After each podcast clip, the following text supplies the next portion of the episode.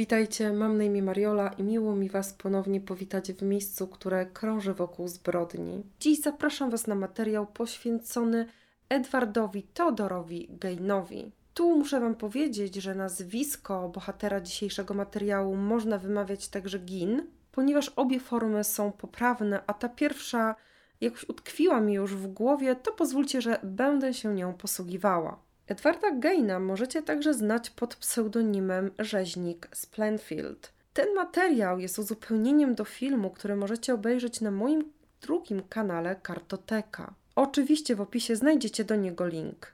Dzisiejszy podcast powstał we współpracy z wydawnictwem Filia z okazji dwóch fascynujących książek, które wyszły w lutym w serii Filia Mroczna Strona. Pierwszą z nich jest publikacja oparta na faktach. W książce Psychopaci Steven Seeger opisuje szczerze czas, który spędził jako psychiatra w bloku C, w zakładzie dla psychicznie chorych przestępców. A druga książka Grup to thriller z wątkiem kryminalnym. Max Czornej napisał ją zainspirowany prawdziwą historią z czasów badań nazistów. Polecam Wam serdecznie serię Filia Mroczna Strona, bo czeka tam na Was wiele fantastycznych książek, także autora Grobu, który oczarował już swoim stylem pisania wielu czytelników. Aby lepiej poznać historię Eda Geina, pozwólcie, że cofnę się do początku. 4 grudnia 1899 roku dwoje młodych ludzi przysięgło sobie w luterańskim kościele w La Crosse w Stanach Zjednoczonych miłość, wierność oraz to, że nie opuszczą się aż do śmierci. 23-letni George Gain i 21-letnia Augusta, wchodząc w ten związek, dźwigali już osobisty bagaż życiowych doświadczeń. George Gain w 1879 roku, mając zaledwie 3 lata, stracił w powodzi swoich najbliższych. Rzeka Mississippi bezlitośnie zabrała mu rodziców i starszą siostrę. Wychowany przez dziadków w wieku 20 lat ich opuścił i wyruszył do La Crosse. Próbował zmienić swój los i mając się wszelakich zajęć, od stolarki po ubezpieczenia. Nie wiadomo, czy pochodząca z licznej rodziny Augusta już e, przed ślubem wiedziała, że jej przyszły małżonek nader chętnie sięga po butelkę czegoś mocniejszego, ale nawet jeśli tak było, to i tak zdecydowała się wyjść za niego za mąż. Augusta była wychowana w bardzo rygorystycznym podejściu do wiary i życia. Rodzice zaszczepili jej wręcz purytańskie zasady związane z pojęciem seksu, który w ich oczach był czymś brudnym, złym i wykonywanym tylko w celu prokreacji. Nie wiemy dokładnie, jak jej wychowanie wyglądało, ale część źródeł podaje informacje o karach cielesnych, a także podkreśla fakt, iż kilku jej braci nigdy się nie ożeniło. Państwo Gain stworzyli wybuchową mieszankę, a w całej sytuacji nie pomagał fakt, iż George nie był zbyt zaradnym człowiekiem i coraz częściej sięgał po alkohol. W rewanżu Augusta deptała jego godność, wyśmiewała go, poniżała, wyzywała.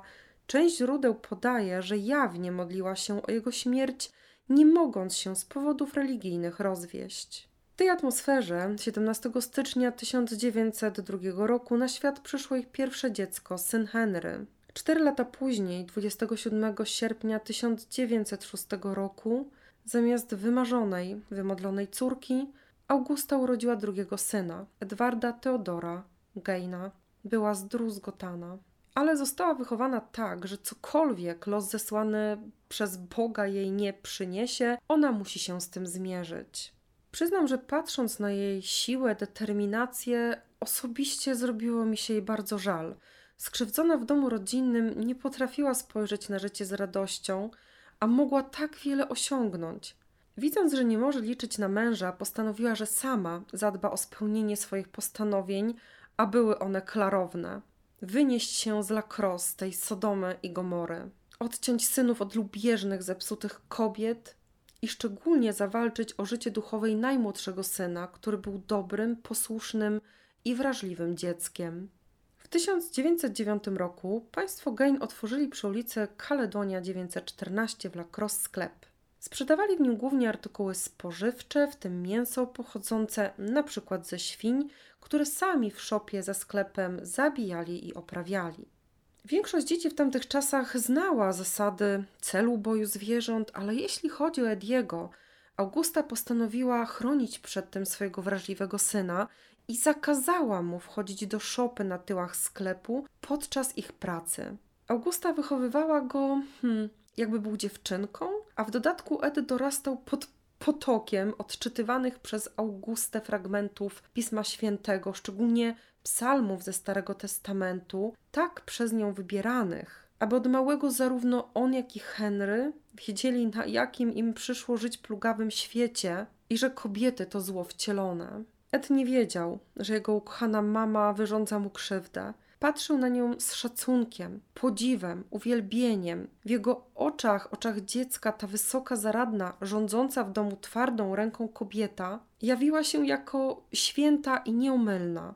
Pewnego dnia, choć miał zakazane, wszedł do pomieszczenia znajdującego się na tyłach i zobaczył zwisającą świnię, która została podciągnięta do góry za związane tylne nogi, a z jej rozciętego brzucha skapywała krew. Kiedy to zobaczył, zamarł.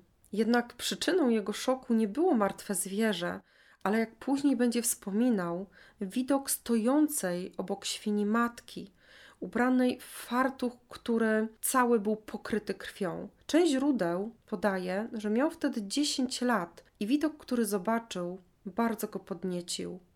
Augusta dopięła swego. Tak ciężko pracowała, że w 1913 roku z pieniędzy ze sprzedaży sklepu i oszczędności kupiła oddaloną o 60 km od La Crosse farmę w pobliżu Camp Douglas.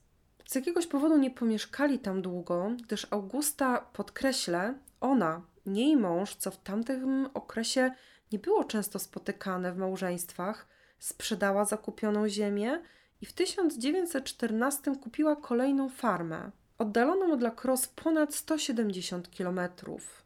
Tu dygresja z mojej strony, którą mam nadzieję mi wybaczycie.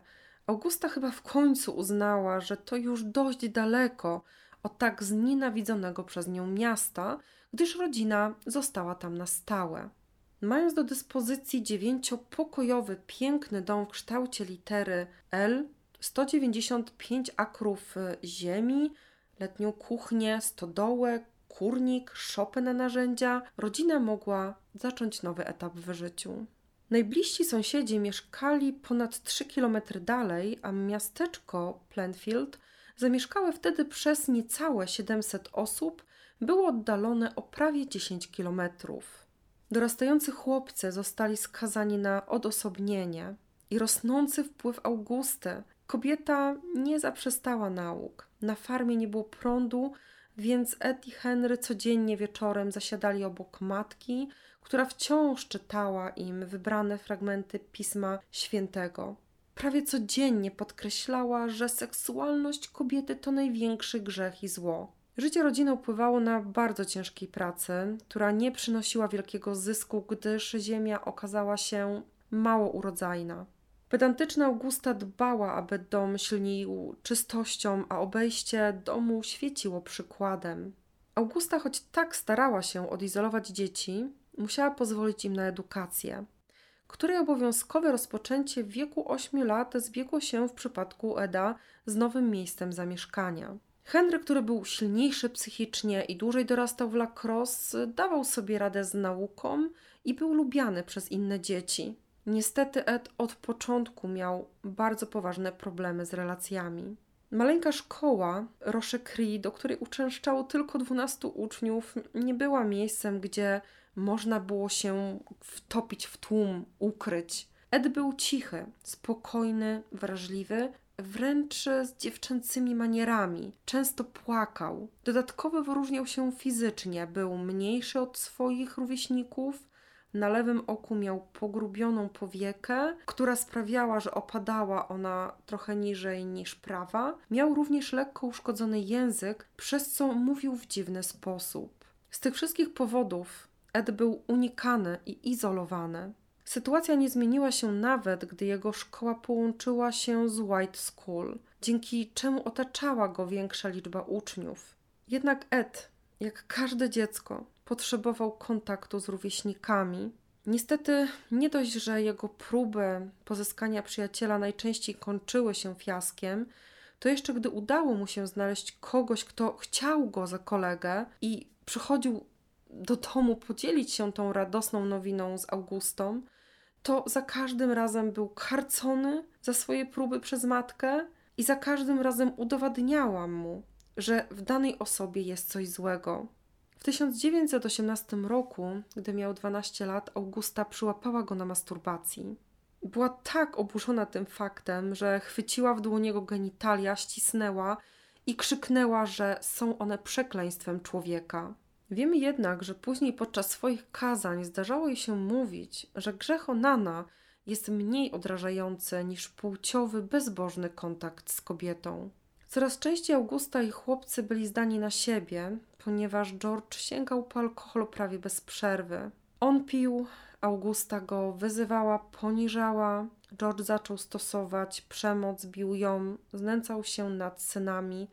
Ed wspominał później, że tak mocno bił go po głowie, aż mu dosłownie szumiało. Krąg przemocy fizycznej i psychicznej trwał. Z jednej strony ojciec, który ich bił, a z drugiej psychiczne znęcanie się Augusty nad synami, co miało w przypadku Eda okazać się brzemienne w skutkach. Ed, pomimo trudnego dzieciństwa, ukończył w wieku 16 lat aż 8 klas. Uczył się średnio, a lekiem na jego samotność okazały się odkryte w szkole książki. Ed Gein uwielbiał czytać. Niestety, choć mógł na chwilę uciec w świat książek, nie mogło go to uchronić od sytuacji w domu. Jej obsesja pogłębiała się do tego stopnia, że w 1927 roku, kiedy Ed miał 21 lat, a Henry 25, wymogła na synach przysięgę, że do końca życia pozostaną nieskalanymi prawiczkami.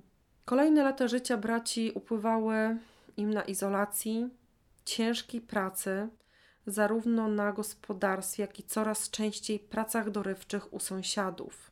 Sytuacja pogorszyła się w 1937 roku, kiedy to ich ojciec był w takim ciągu alkoholowym, że nie dość, że nie pomagał, to stał się nieobliczalnym ciężarem. W 1940 roku śmierć uwolniła Augustę, Henry'ego i Edwarda od razów.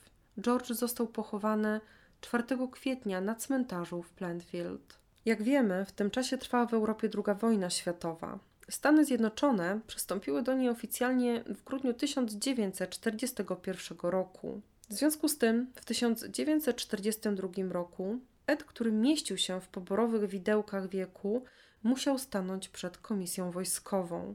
W wieku 36 lat odbył swoją pierwszą tak odległą podróż, gdyż musiał pojechać do oddalonego o 250 km Milwaukee. Nie został zaciągnięty do wojska z powodu przerostu lewej powieki, o którym Wam wspomniałam. Orzeczono, że z tego powodu stracił częściowo wzrok w tym oku i odesłano go do domu. Lata mijały. Henry i Ed musieli coraz częściej pracować poza domem, aby związać koniec z końcem. Henry, ponieważ był starszy i silniejszy, podejmował się cięższych zajęć, często przebywał daleko poza domem przez dłuższy okres czasu. To pozwoliło mu zobaczyć, że życie może wyglądać inaczej i uwolnić się spod wpływu Augusty. Wracając, zaczął jawnie podważać zdanie matki i próbował przekonać Eda, że Augusta nie jest tak nieomylna, jak mu się wydaje. Niestety, jeśli liczył na zrozumienie ze strony młodszego brata, to się go nie doczekał. 16 maja 1944 roku, kiedy Henry miał 43 lata, a Eddie 38, braciom przyszło stawić czoła pożarowi, który wybuchł na podmokłym terenie w pobliżu ich domu. Tu muszę nadmienić, że źródła podają różne informacje na temat wydarzeń z tamtego dnia. Jedne z nich e, mówią o tym, że to Ed namówił Henry'ego na wypalanie trawy, inne, że pożar wybuchł z jakiegoś powodu sam i bracia ruszyli go ugasić. Niezależnie od początku tej historii, jej finał był tragiczny. Według Eda dym i ogień nagle ich rozdzielił, a ponieważ w tych warunkach nie mógł odnaleźć swojego brata, skupił się na ugaszeniu ognia, a następnie, gdy nie mógł go odnaleźć, pobiegł po pomoc. Było już ciemno, gdy Edward poprowadził grupę poszukiwawczą prost do ciała brata. Zastępca szeryfa, Frank Angle, wraz z pozostałymi osobami, które ruszyły na pomoc, zaczęli zadawać pytania. Jak to się stało, że niby go zgubiłeś, a teraz doprowadziłeś nas prosto do niego. Jak zginął Henry, bo nie od płomieni, jego rzeczy nie nosiły śladu ognia i skąd te dziwne siniaki na jego głowie? Jednak nawet po oględzinach prokuratora okręgowego Erla Killina, miejscowego koronera i lekarza nie dopatrzono się udziału osób trzecich. Jako powód śmierci wpisano uduszenie z powodu kontaktu z dymem i toksycznymi produktami spalania, choć Ed nie zapłakał nad losem brata. Nikt go nie podejrzewał o to, że mógłby przyczynić się do śmierci brata. Wprawdzie przez te wszystkie lata, w których ludzie dość tak powierzchownie go poznali, zdążono mu przykleić łatkę miejscowego dziwaka, to jednak uważano go za miłego, pracowitego, uczynnego człowieka, a w dodatku prawdziwą złotą rączkę. Ludzie, u których pracował Ed, ufali mu tak bardzo, że powierzali mu pod opiekę własne dzieci, z którymi ku zaskoczeniu wszystkich miał bardzo dobry kontakt. Wycofany, odizolowany od życia ludzi dorosłych, po prostu dobrze dogadywał się z dziećmi. Kiedy nie pracował u innych, pomagał swojej mamie na farmie. Jeszcze w tym samym roku, co zmarł Henry, Augusta doznała pierwszego udaru mózgu. Eddie trwał przy niej przez wszystkie godziny przeznaczone na odwiedziny i był niezmiernie szczęśliwy, kiedy w końcu mógł ją zabrać do domu. Tak naprawdę jego matka była jego jedyną przyjaciółką. Zimą 1945 roku kończyła im się słoma dla zwierząt. Pojechali więc do sąsiada, by kupić zapas. Kiedy pojawili się na podwórku, stali się świadkami przerażającej sceny. Smith na ich oczach zatłukł na śmierć kijem małego szczeniaka. Eddie zamarł, a Augusta była oburzona, ale nie śmiercią niewinnego stworzenia, które umierało cierpiąc i wyjąc o pomoc, ale widokiem konkubiny rolnika.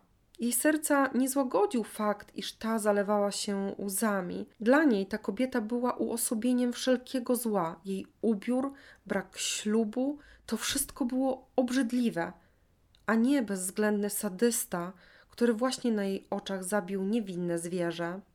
Kilka dni później, 29 grudnia 1945 roku, w wyniku drugiego udaru i krwotoku, Augusta Gain zmarła, mając zaledwie 67 lat. Została pochowana na cmentarzu w Planfield obok męża, pomiędzy nią a jej synem Henrym była pusta parcela zarezerwowana dla ukochanego syna Eda, ale ten miał pożyć jeszcze bardzo długo i stać się osobą, która odmieni oblicze popkultury i horroru. Po śmierci matki Ed zaczął się jeszcze bardziej izolować. Przestał dbać o siebie, chodził brudny, nieskanalizowanym domu bez prądu, nie mogąc oglądać telewizji, którą znał z domu sąsiadów, poświęcał swój wolny czas na czytanie. Uwielbiał kryminały, książki podróżnicze, przygodowe, zaczytywał się pasjami w gazetkach typu opowieści skrypty, które w tamtym okresie przeżywały prawdziwy boom w Stanach Zjednoczonych. Śledził także postępy w medycynie i był pod ich wielkim wrażeniem. Z wypiekami na twarzy czytał o tym, że pewien mężczyzna dzięki operacji zmienił płeć i stał się kobietą. W jego kręgu zainteresowań byli również kanibale, naziści, szczególnie pasjonował się działaniami Ilze Koch, która zbierała ludzkie głowy, a ludzkiej skóry używała do oprawiania książek i abażurów. Im bardziej drastyczne i odrażające były historie, tym bardziej mu się podobały. Nie ukrywał tego, gdyż jak tylko miał sposobność i ktoś chciał go posłuchać, chętnie opowiadał o morderstwach, podkreślając, że jego ulubione to te popełniane z pożądania. Nikogo to zbytnio nie dziwiło, gdyż po pierwsze, Eddie uważany był za nieszkodliwego dziwaka, a po drugie, jak wspomniałam, w latach 50. ubiegłego wieku krwawe historie były bardzo popularne. Pytany, co chciałby robić, zmienić w swoim życiu, Ed podkreślał, że jego największym marzeniem jest zwiedzenie świata. Nawet planował, że sprzeda farmę i wyruszy przed siebie – ale jak później wyzna, nie miał dość siły, by zrobić pierwszy krok. Czas mijał. Ed odizolowany żył we własnym świecie, o którym mieszkańcy nie mieli pojęcia. Jedyne co wiedzieli to, że dom i obejście popadło w ruinę, a od nielicznych osób, najczęściej dzieci, które miały sposobność zobaczyć, jak mieszka, ludzie wiedzieli, że w środku jest brudno i że Ed ma skurczone głowy ludzkie, które, jak tłumaczył, dostał od kuzyna podróżującego po świecie. Nikogo to nie zdziwiło, w końcu to Ed, dziwak, marzyciel, interesujący się łowcami głów. To były trudne czasy dla Eda. Coraz bardziej wycofany, często stawał się ofiarą nieuczciwych ludzi, którzy nie płacili mu należycie za wykonaną pracę. Jak później wyzna, nawet rodzina, której wydzierżawił ziemię, przestała mu płacić. Prawie nikt się z nim nie liczył. Ale odosobnienie nie było jego największym problemem, tylko samotność. Śmierć Augusty zburzyła resztki jego równowagi psychicznej. Potem, jak jej zabrakło, Edward Gain zaczął słyszeć jej głos. Jak później wyzna, był bardzo wyraźny. Tak bardzo był samotny, że modlił się o wskrzeszenie matki, nawet próbował ją przywrócić siłą swojej woli, bo czuł, że ma taką moc i jest w stanie to zrobić. Ludzie, u których pracował, nie mieli pojęcia o tym, że Ed ma dwa oblicza. Jedno, które znali, i drugie, naznaczone pogłębiającą się chorobą psychiczną. Mała dygresja. Kiedyś poświęciłam sporo czasu na to, aby odnaleźć jakieś źródła dotyczące e, szkodliwości jedzenia z puszek w latach 50. w odniesieniu do Eda, bo wiemy, że on żywił się głównie jedzeniem z puszek.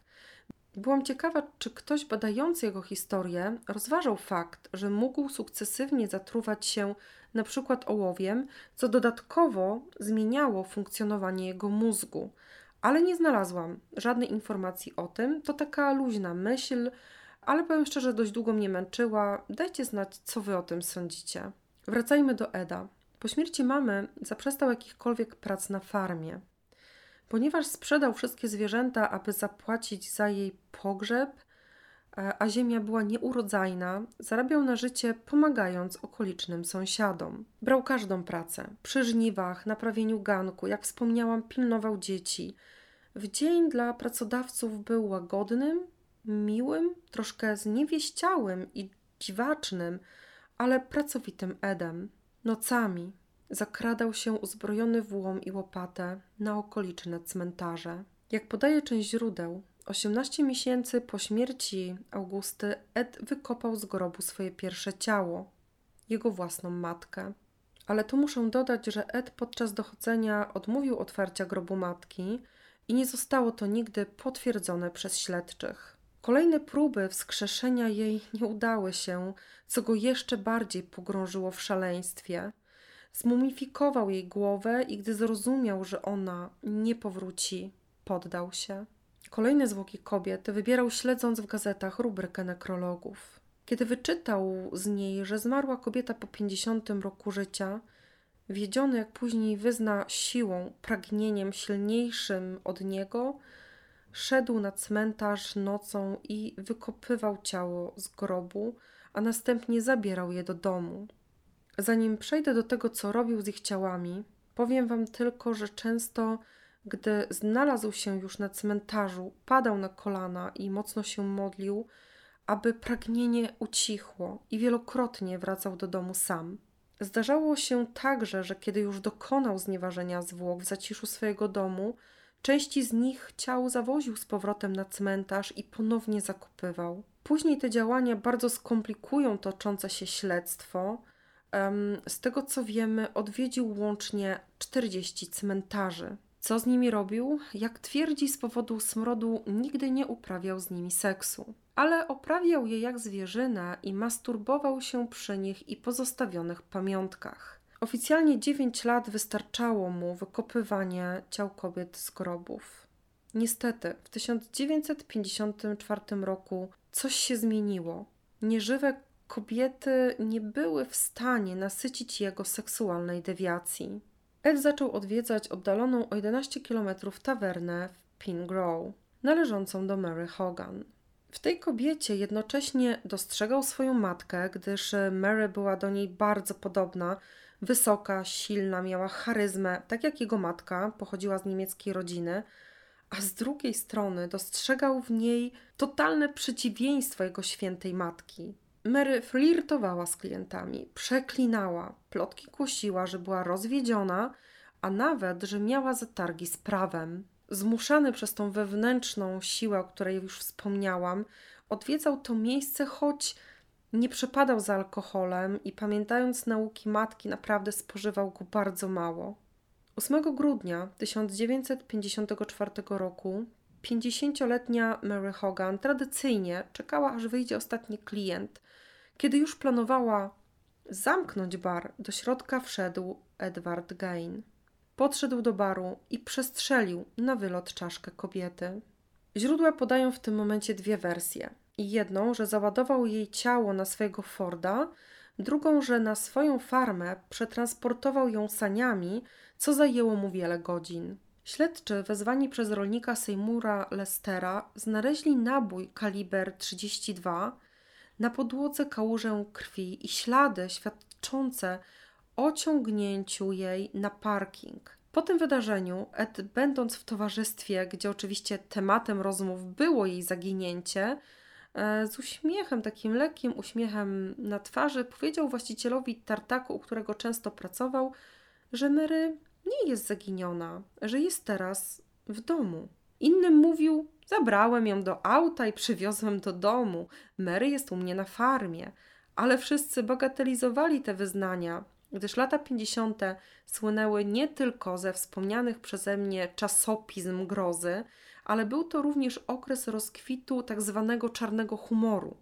Dlatego rozmówcy sądzili, że albo odżartuje, albo po prostu jest to ględzenie dziwaka. Kolejną, a zarazem ostatnią przypisaną mu zbrodnię popełnił w 1957 roku. 15 listopada pojechał do Planfield i odwiedził sklep Wardens. Jego właścicielka handlowała narzędziami, bronią, artykułami gospodarstwa domowego. Ten sklep był w posiadaniu Bernice Warden od wielu pokoleń. Ta 58-letnia kobieta była bardzo znana i szanowana w swoim miasteczku. Słynęła z troszkę takiego ciężkiego charakteru, ale mimo wszystko została uznana obywatelką tygodnia i trafiła na pierwszą stronę lokalnej gazety kilka lat wcześniej. Bernice Warden imponowała Edowi Gainowi. Była przedsiębiorcza, stanowcza, stale rozwijała sklep, poszerzała asortyment. Była wdową, a w prowadzeniu biznesu pomagał jej syn.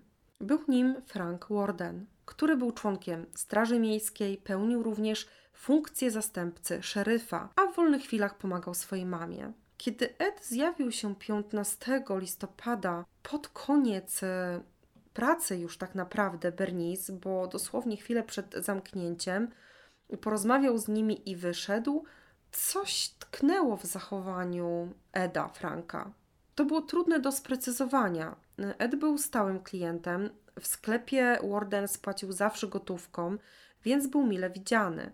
Ale jego zachowanie ostatnimi czasy było trochę dziwne i niepokojące, gdyż Ed coraz częściej odwiedzał sklep, a Bernice nawet zażartowała w rozmowie z synem, że podejrzewa, iż on próbuje ją na swój dziwny, pokręcony sposób poderwać. Następnego dnia, 16 listopada 1957 roku, Ed Gain wyszedł z domu bardzo wcześnie rano i ponownie pojechał do Planfield. Miasteczko wyglądało jak wymarłe. Mężczyźni jak co roku polowali na jelenie, kobiety zniechęcone zimnem przebywały w domach.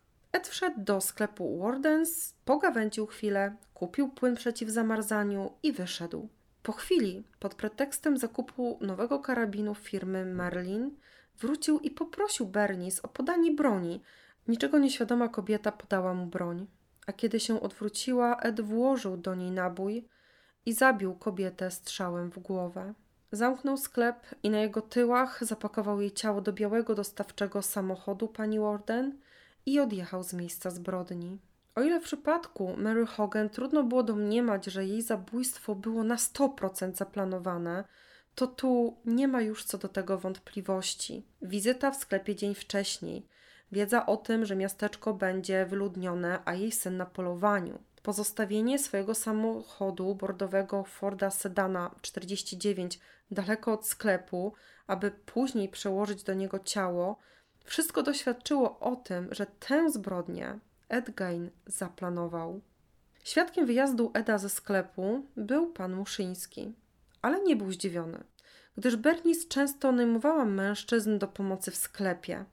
On wprawdzie nie widział, że to dokładnie Ed siedział za kierownicą, ale jak wspomniałam, no, w żaden sposób go to nie zapokoiło. Dopiero późniejsze wydarzenia, ale do nich za chwilkę wrócimy. Tego dnia Ediego spotkało kilka osób, w tym wspomniany już wcześniej właściciel tartaku, który odwiedził go nękany wyrzutami sumienia, aby przeprosić za to, że polował na jelenie na jego terenie. Później z prośbą o pomoc wpadli Bob i Darlene Hill, gdyż zepsuł im się samochód. Ed oczywiście pomógł. W nagrodę ich mama Irene, która zawsze miała dobre serce, jeśli chodzi o Eda, zaprosiła go na suty posiłek. Po posiłku, gdy Ed i syn Irene bawili się na zewnątrz, odwiedził ją jej zięć, opowiadając o zamieszaniu w centrum miasta, o tym, że jest tam wiele aut i najprawdopodobniej zaginęła właścicielka sklepu. Ed nadal bawił się, nieświadomy tego, że kiedy po godzinie 17 do miasteczka wrócił Frank i usłyszał od Muszyńskiego, że auto wyjechało, nie wróciło, a w sklepie palą się światła, choć jest zamknięty, pędem ruszył sprawdzić, co się dzieje. Czuł, że coś jest nie tak. Kiedy wszedł do środka i zauważył ślady krwi i porzucony na podłodze karabin z oferty ich sklepu, wiedział, że to, co go tknęło, to jest nic w porównaniu z tym, co mogło się naprawdę wydarzyć. Szybko wezwał szeryfa, a ten następnie posiłki, w tym drugiego zastępcę, Arniego Fritza. Frank poinformował ich, że za prowadzeniem jego matki na pewno stoi Ed Gain, który od jakiegoś czasu ostatnio często odwiedzał jego matkę, ostatni raz wczoraj wieczorem, i że jego zachowanie wydało mu się dziwne. Z każdą chwilą na miejscu pojawiały się kolejne osoby, w tym śledczy State Crime Lab. O 19 godzinie całe miasteczko już mówiło tylko o tym, że zniknęła pani Warden i jej zaginięcie w jakiś sposób powiązane jest z Edim Gainem. Ponieważ śledczy wysłani przez szeryfa nie zastali Eda na farmie, pojechali do pani Hill. To byli lokalni detektywi. Oni doskonale wiedzieli, że jeśli nie ma go w domu, to prawdopodobnie będzie tam. W tym czasie Bob Hill, młodsze dziecko Irene, poprosił Eda, aby pojechali do miasta i sprawdzili, co się dzieje. Wiecie, młody człowiek ciekawy. Ed się zgodził, jak gdyby nigdy nic. Wsiedli do jego Forda i w tym na posesji zjawił się oficer Dan Chase zastępcą. Śledczym udało się go zatrzymać. Był jeszcze w aucie przed domem pani Hill. Eddie nie stawiał oporu. Wyszedł z auta, wsiadł do radiowozu, i grzecznie opowiadał, jak mijał mu dzień. Oficer Chase szybko zrozumiał, że ma w samochodzie właściwego człowieka. Ed za każdym razem opowiadał inną wersję wydarzeń z tego dnia, aż w końcu nawet niepytany o sprawę powiedział, że ktoś go wrobił w śmierć pani Warden, a przecież nikt dotąd nie miał dowodów na jej śmierć. Wiedziano tylko, że została uprowadzona. Ponadto nie miał gdzie tego usłyszeć, gdyż był u pani Hill, a jej zięć o niczym takim nie wspomniał. Na przeszukanie posiadłości Dagaina wyjechał najpierw szeryf z Hly wraz z kapitanem Shore Fosterem z Hly. Mm, nie wiem, czy panowie byli rodziną, czy te same nazwiska to zbieg okoliczności. Kiedy dotarli na miejsce, postanowili najpierw przeszukać dom, ale wszystkie drzwi do głównego budynku były zamknięte. Dopiero udało im się wejść do letniej kuchni. I kiedy otworzyli drzwi, w słabym świetle latarki zauważyli walające się po podłodze sterty śmieci. Szeryf świecąc latarką w dół, aby, wiecie, utorować sobie drogę, krążył wśród stert przeróżnych rzeczy i dopiero po chwili poczuł, że jego plecy o coś się otarły. W pierwszej chwili, gdy się obrócił i poświecił latarką, był pewien, że spod sufitu zwisa ciało jelenia, ale gdy przypatrzył się bliżej, zrozumiał, że patrzy na wypatroszone i pozbawione głowy ciało Bernice Warden.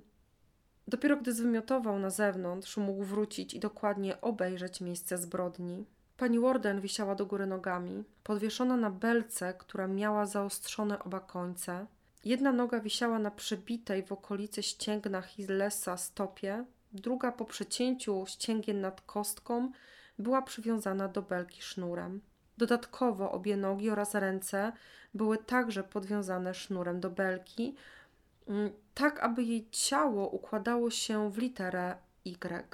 Widok ciała, które było rozcięte od krocza do piersi, pozbawione wnętrzności, narządów płciowych kobiety i głowy, przerażało nie tylko widokiem, ale także świadomością, iż czegoś takiego mógł dokonać tylko ktoś na wskroś zły lub chory psychicznie. Wszyscy śledczy, którzy zjawiali się na farmie, byli na wskroś wstrząśnięci. Nie wiedzieli, że to dopiero początek, że Ed Gain od kilku lat zbierał swoje trofea, że był podglądaczem, nekrofilem, transwestytą i seksualnym dewiantem. Penetrując dom krok po kroku, odkrywali szaleństwo człowieka, który w okolicy uważany był za łagodnego, nieszkodliwego dziwaka. W tym czasie Ed był już zamknięty w areszcie w mieście Wharton. Dom, w którym znajdował się areszt, był tak podzielony, że w jednej jego części znajdowały się także pomieszczenia mieszkalne dla szeryfa, jego żony i dzieci. Przed aresztem postawiono straż. Ediego pilnował Arden Spies, Specs Marty i Chad Chase. Ed Gain od momentu, gdy znalazł się w areszcie, nie chciał współpracować i milczał przez kolejne 30 godzin. W tym czasie w jego domu, który przypominał wysypisko śmieci pełne resztek jedzenia, gazet, sprzętów muzycznych, niedziałających odbiorników radiowych i setek innych rzeczy odnaleziono. Tu muszę, kochani, dać Wam znać, że wymienione za chwilę przedmioty mogą być zbyt trudne do przyjęcia dla osób wrażliwych. Także jeżeli jesteś osobą, która ma niską percepcję, jeżeli chodzi o makabryczne znaleziska, to bardzo proszę przewincie do wskazanego na ekranie czasu. Oczywiście też informacje znajdziecie pod filmem. Odnaleziono pożółkłe protezy poustawiane na półce, ludzkie czaszki oprawione i podzielone tak, aby mogły służyć za miski. Serce pani Warden, owinięte w gazetę, było ukryte w męskim garniturze. Wnętrzności pani Warden, także zawinięte w gazety, znaleziono położone na stosie ubrań, a jej głowę odnaleziono ukrytą pod starymi materacami w letniej kuchni. W domu odnaleziono także przedmioty obite lub zrobione z pasów ludzkiej skóry, której fragmenty nie były dokładnie wygarbowane i pod spodem widoczny był jeszcze tłuszcz. W skład kolekcji Eda Gaina wchodziły cztery krzesła, abażury na lampach, pochwa do noża, kosz na śmieci, bransoletki, pudełko ze skrawkami ludzkiej skóry, jeden cienki pasek ozdobiony parą kobiecych ust, drugi grubszy pasek wykonany z kobiecych sutków, osiem kobiecych zakonserwowanych solą sromów, jeden świeży, połączony z wewnętrznymi narządami płciowymi kobiety wraz z odbytem, cztery ludzkie nosy, kilka par leginsów. Odnaleziono także kamizelkę wykonaną z górnej części kobiecego ciała, włącznie z piersiami. Doszyte sznury wskazywały, że służyła do noszenia. Maski ściągniętych z twarz skór. Część z nich była zdjęta z głowy razem z włosami. Kilka posmarowanych olejem było w bardzo dobrym stanie, część miała pomalowane szminką usta. Wiele z nich, w tym głowa pani Warden, miały bite w okolice uszu gwoździe zgięte na kształt haczyków, co umożliwiało Edowi przyczepienie do nich sznurka, by móc je powiesić. Cztery z nich, wypchane papierem, wisiały na ścianie w sypialni Ediego. Łącznie znaleziono 11 różnych masek i głów, w tym głowę Mary Hogan, którą trzymał w papierowej torbie. Wiem, że ta lista może budzić grozę, ale to jeszcze nie wszystko. Śledczy odnaleźli jeszcze różne części ciała, kości, zasuszone piersi, pochwy, usta. Przeszukując dom na pierwszym piętrze, odnaleźli odizolowane, zamknięte i pozostawione w idealnym stanie pokoje Augusty.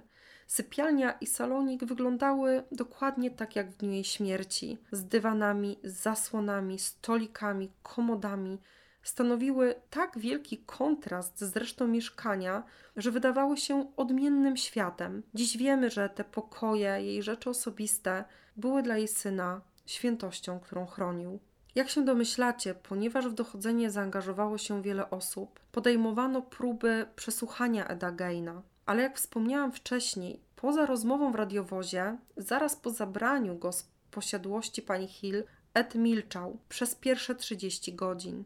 Jednak w końcu, Pod natłokiem przedstawionych mu dowodów zaczął mówić i współpracować ze stróżami prawa. Podczas przesłuchania wyznał prokuratorowi Killenowi, że zamordował panią Warden, ale mgliście pamięta wydarzenia. Powiedział, że czuł się jak zamroczony i ma kłopoty z pamięcią. Zapytany o odnalezione w domu szczątki, powiedział, że wykradał ciała z grobów, wybierał kobiety po 50 roku życia. Prokurator, szeryf i sędzia Bud Clark udali się z nim na farmę, gdzie Ed wskazał kilka miejsc, w których mogą być kości lub spuszczona z pani Warden krew. W tym momencie myślę, że warto powiedzieć parę słów o prasie. Szeryf uważał, że należy prasie mówić jak najmniej. Nie pałał zbyt wielką sympatią do reporterów. Ale prokurator Killen miał inne zdanie na ten temat i co róż karmił dziennikarzy informacjami o odkrytych na farmie Eda Geina okropnościach. Nie dość, że podawał fakty, to spekulował, że w grę może wchodzić kanibalizm. Odkrycie okropności na farmie Eda ściągnęło do tego małego miasteczka przedstawicieli prawie wszystkich mediów, najpierw ze Stanów Zjednoczonych, a później ze świata. Dziennikarze atakowali mieszkańców, koczowali albo pod aresztem, albo pod farmą. Oczywiście w dniu, w którym Ed pojawił się we wspomnianej asyście na jego farmie, również tam byli. Zresztą nie tylko tam, ale w całym miasteczku. Dom Eda Geina pilnowany był przez stróżów prawa 24 godziny na dobę, ponieważ bano się, że ludzie zaczną się tam wkradać, aby, wiecie, zabierać pamiątki. Ed, spotykając w tym dniu dziennikarzy, stał się zupełnie innym człowiekiem. Nie zasłaniał twarzy, lekko uśmiechał się do reporterów, pozwalał sobie robić zdjęcia, nagrania i gorliwie oprowadzał śledczych po swojej farmie. Aby zatrzymać Gaina w areszcie, najpierw postawiono mu zarzut napadu z bronią w ręku. Sędzia zarządził 7 dni aresztu, prosił laboratorium kryminalne, aby zbadało szczątki i odkryło, do kogo należały odnalezione cztery nosy bo w żadnej z mask ich nie brakowało.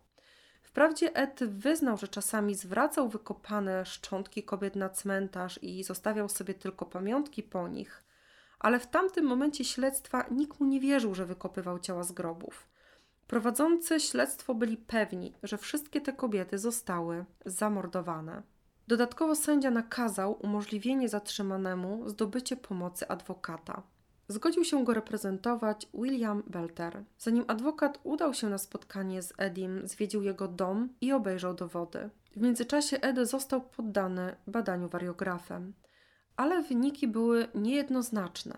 Nagle życie Eda Gaina się odmieniło. Do tej pory odizolowany od społeczeństwa, znalazł się w centrum zainteresowania ponieważ w czasie, gdy jak wyznał, wykradał ciała z grobów i dokonał dwóch morderstw w okolicy, zginęło parę osób. Śledczy nawet z odległych hrabstw przybywali, aby przesłuchać Eda i wykluczyć na podstawie akt dentystycznych, opisów osób zaginionych, czy wśród odnalezionych w jego domu szczątków nie znajdą tych, których od lat, miesięcy, tygodni szukają.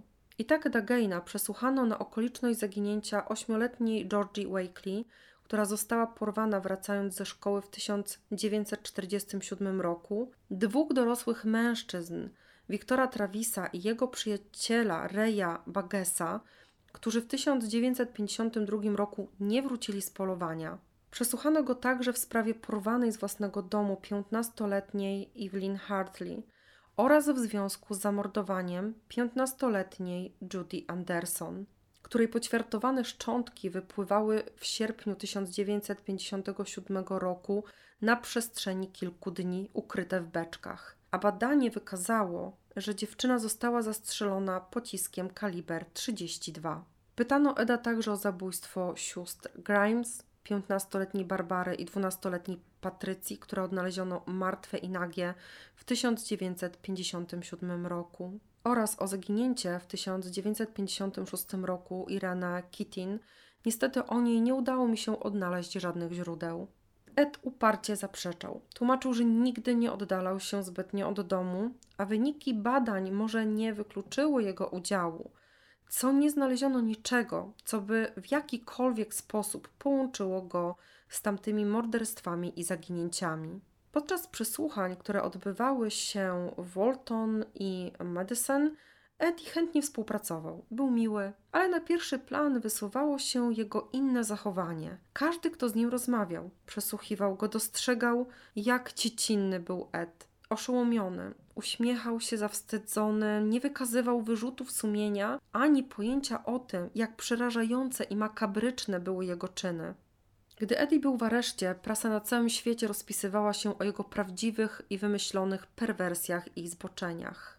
Ludzie z Plainfield mieli dość prasy, gdyż wokół Eda trwało prawdziwe szaleństwo, podsycane ujawnianymi przez prokuratora Kilena szczegółami. W końcu prokurator generalny Honek zabronił mu udzielać żadnych informacji bez jego zgody. Jak się domyślacie, kiedy Kilen to ogłosił, dołożył tylko drewna do pieca. Lawina nie mogła się już zatrzymać. Dodatkowo 21 listopada, po przesłuchaniu i zbadaniu wykrywaczem kłamstw Ediego w Madison, ktoś ujawnił reporterowi Chicago Tribune, co wyznał Ed podczas tych działań.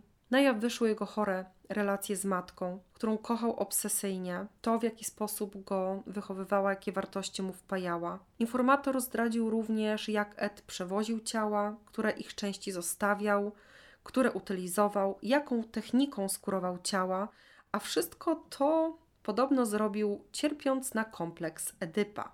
To już akurat podsumowanie ze strony reportera. Cóż, jak wykażą późniejsze badania, jego przypadek był o wiele bardziej skomplikowany. Jeśli chodzi o oskarżenie, tak pamiętacie, Ed usłyszał, że jest oskarżony o napad e, z bronią w ręku.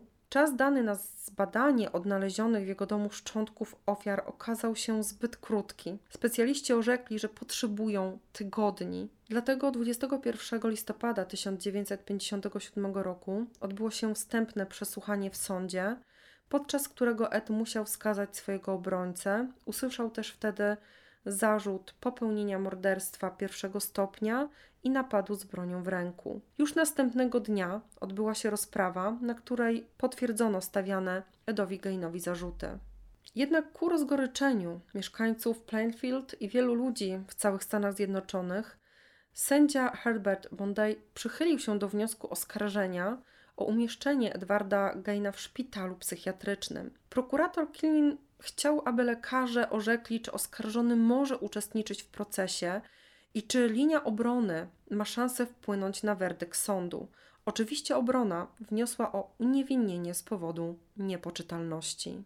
Ed trafił na 30 dni do szpitala psychiatrycznego, na oddział dla chorych psychicznie kryminalistów w Walpen w stanie Wisconsin. W czasie, gdy Edward Gain był badany, szeryf postanowił odkopać jeden ze wskazanych przez niego grobów. Wybrał miejsce pochówku pani Adams. Muszę wam powiedzieć, że szeryf był jedną z tych osób, które nie wierzyły Edowi, iż większość jego pamiątek pochodzi z wykopanych z grobu zwłok kobiet. Dlaczego? Otóż w tamtych czasach ludzi chowano w podwójnym zabezpieczeniu. Trumnę z ciałem wkładano do betonowej lub drewnianej skrzyni. Obie zewnętrzne formy były przed zasypaniem szczelnie zamykane. Szeryf nie wierzył, że ten drobny, niski mężczyzna był w stanie sam sprofanować taki grób, ale w końcu pod naporem opinii publicznej ustąpił. Wiedział, że z powodu ekshumacji pojawią się dziennikarze, dlatego cmentarz został otoczony kordonem stróżów prawa, a rozciągnięta nad grobem plandeka ukryła wszystko przed latającym nad cmentarzem helikopterem. Zszokowany szeryf musiał się poddać i przyjąć zeznania Eda jako prawdziwe. Grób okazał się pusty. Przy kolejnym poszukiwaniu odnaleziono kości zmarłej pod płytką warstwą ziemi. Historia Eda Geina nabrała dla śledczych całości. Ale pojawiały się kolejne nowe pytania. 29 listopada na terenie farmy Geina pojawili się ponownie śledczy. Po informacji od mieszkańców, że w pewnej części posiadłości był rów, chyba na śmieci, i że często Ed był tam widywany, postanowili to sprawdzić. Faktycznie, po przekopaniu się przez płytką warstwę ziemi natrafili na śmieci i ku swojemu zdziwieniu odnaleźli prawie kompletny szkielet dorosłej osoby. Oczywiście zaraz pojawiły się plotki, spekulacje, ale badania wykazały, że to były zwłoki kobiety, nie jednego z zaginionych mężczyzn, o których wcześniej wspomniałam. Niestety nie dotarłam do informacji, iż tę kobietę zidentyfikowano. Jednak to znalezisko rzuciło pewien cień na sprawę. Z jednej strony Gain dał im listę sprofanowanych grobów, Z drugiej niektóre badania wariografem były niejednoznaczne, a z trzeciej często powtarzał, że czegoś nie wie, nie pamięta. Wszyscy zaczęli się zastanawiać, ile faktycznie wykopał ciał z grobów i ile zabił osób. W tym czasie w szpitalu zbadano Eda pod każdym kątem psychicznym i fizycznym. Naprawdę, jeżeli chodzi o śledztwo, w przypadku Ediego Gaina, to miało ono szaleńcze tempo. Przez te kilka dni Ed osłabł i mając niewiele ponad 1,50 m wzrostu, mm, zdawał się dosłownie zapadać w sobie. Wprawdzie od czasu uwięzienia jadł regularnie posiłki, dzięki czemu przytył i ważył wtedy około 53 kg, ale jednocześnie wydawał się lekarzom złamany. Podczas badania oczywiście odnotowano przerost lewej powieki, uszkodzenie języka.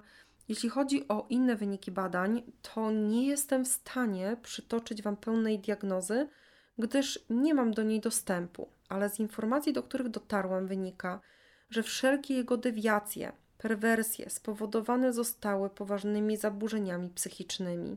Odkryto u niego osobowość schizofreniczną z objawami neurotycznymi. Stwierdzono u niego pourazowe zaburzenia emocjonalne, niedojrzałość, wewnętrzny konflikt dotyczący przynależności do określonej płci, Seksualność była połączona u niego z poczuciem winy. Potwierdzono, że nie potrafi nawiązywać relacji z innymi, ma ściśle określone zasady moralne. Testy wykazały, że Ed Gein miał IQ na poziomie 89-99, czyli poniżej średniej. Jednak jego zasób słów był bardzo szeroki. Być może wpływ na to miało to, że lubił czytać książki. Doktor Edward Schubert podkreślał, że oto powiadał o swoim życiu w pojonych zasadach, świętości matki, niegodziwości ojca. Twierdził, że gdyby się ożenił, gdyby nie był taki samotny, może nie doszłoby do tego wszystkiego.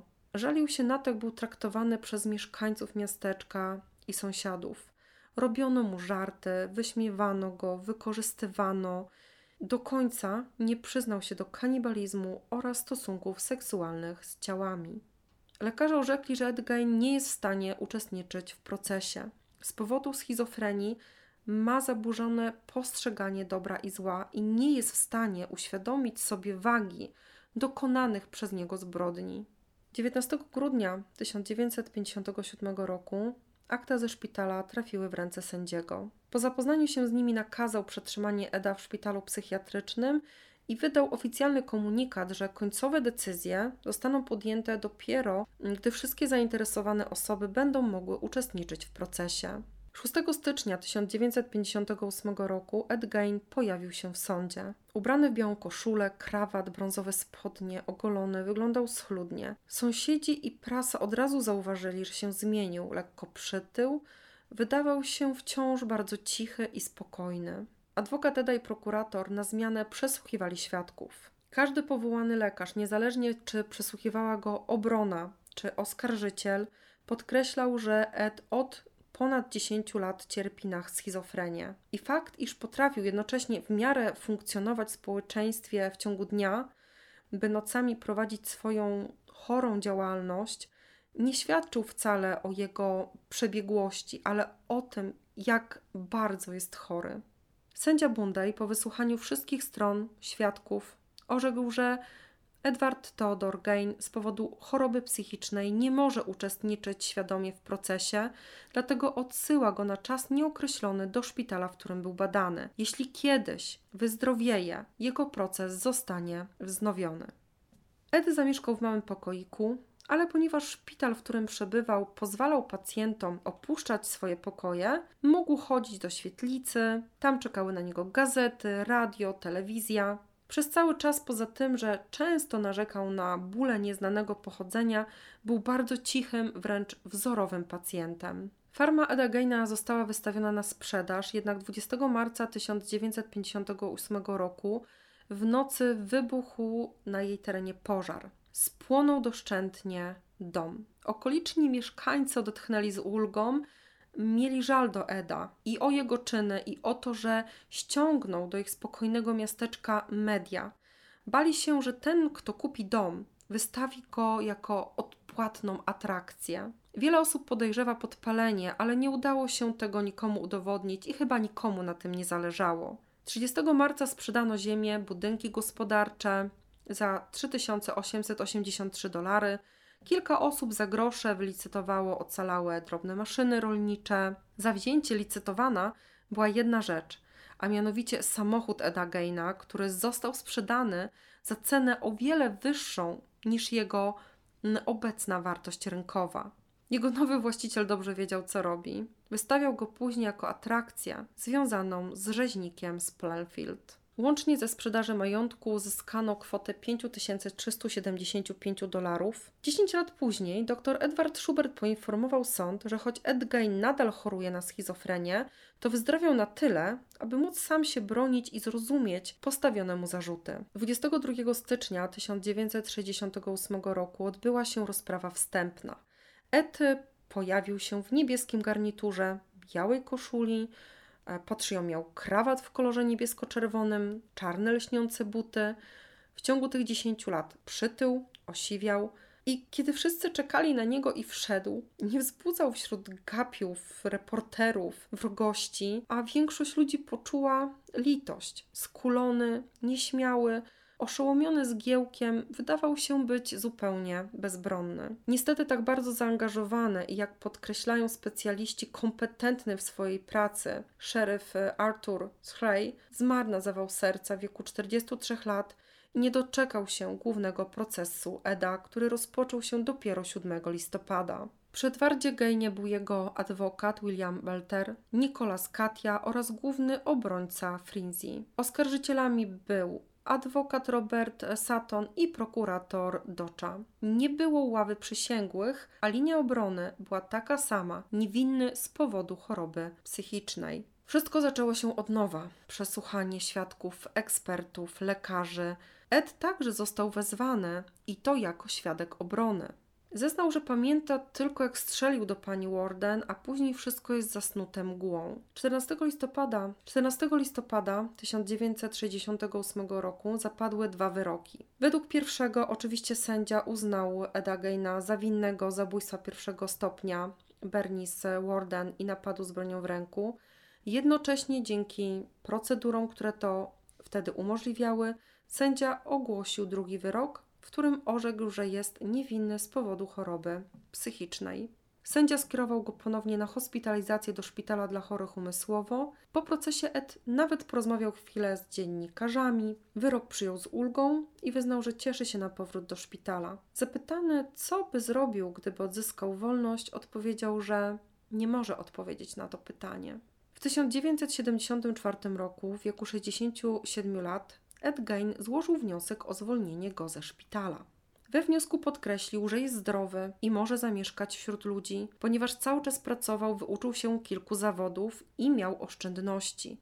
Dodatkowo, jako argumentu użył faktu, że gdyby trafił do więzienia za swój czyn, mógłby teraz starać się o warunkowe zwolnienie.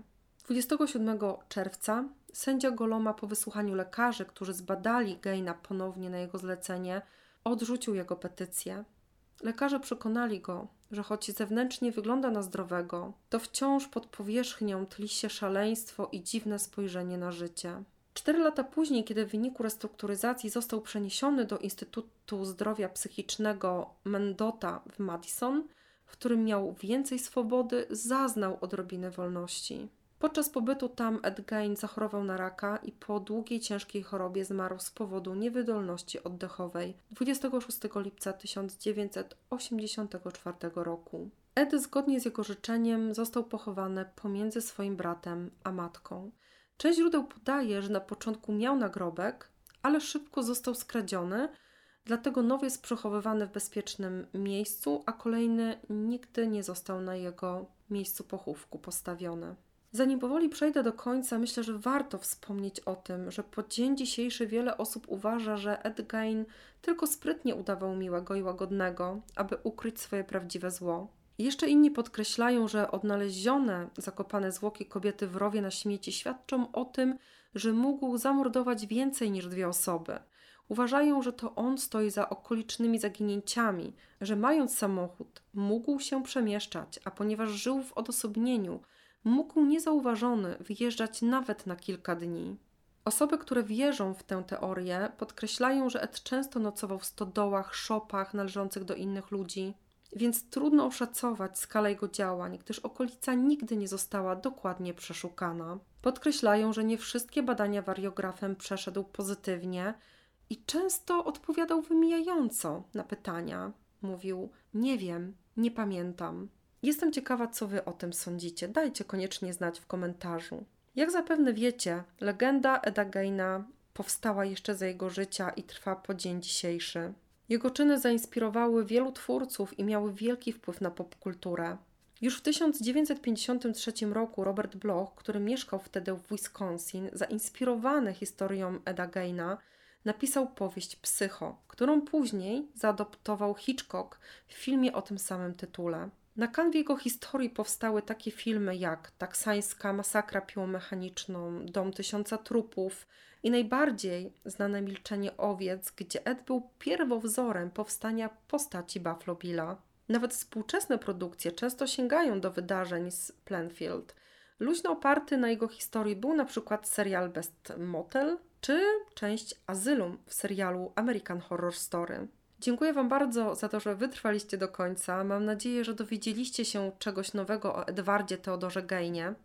Jestem ciekawa również, jak Wy patrzycie na jego postać, bo choć z jednej strony był potworem, to z drugiej był niezwykle skrzywdzonym człowiekiem, który z wielu powodów zachorował na schizofrenię.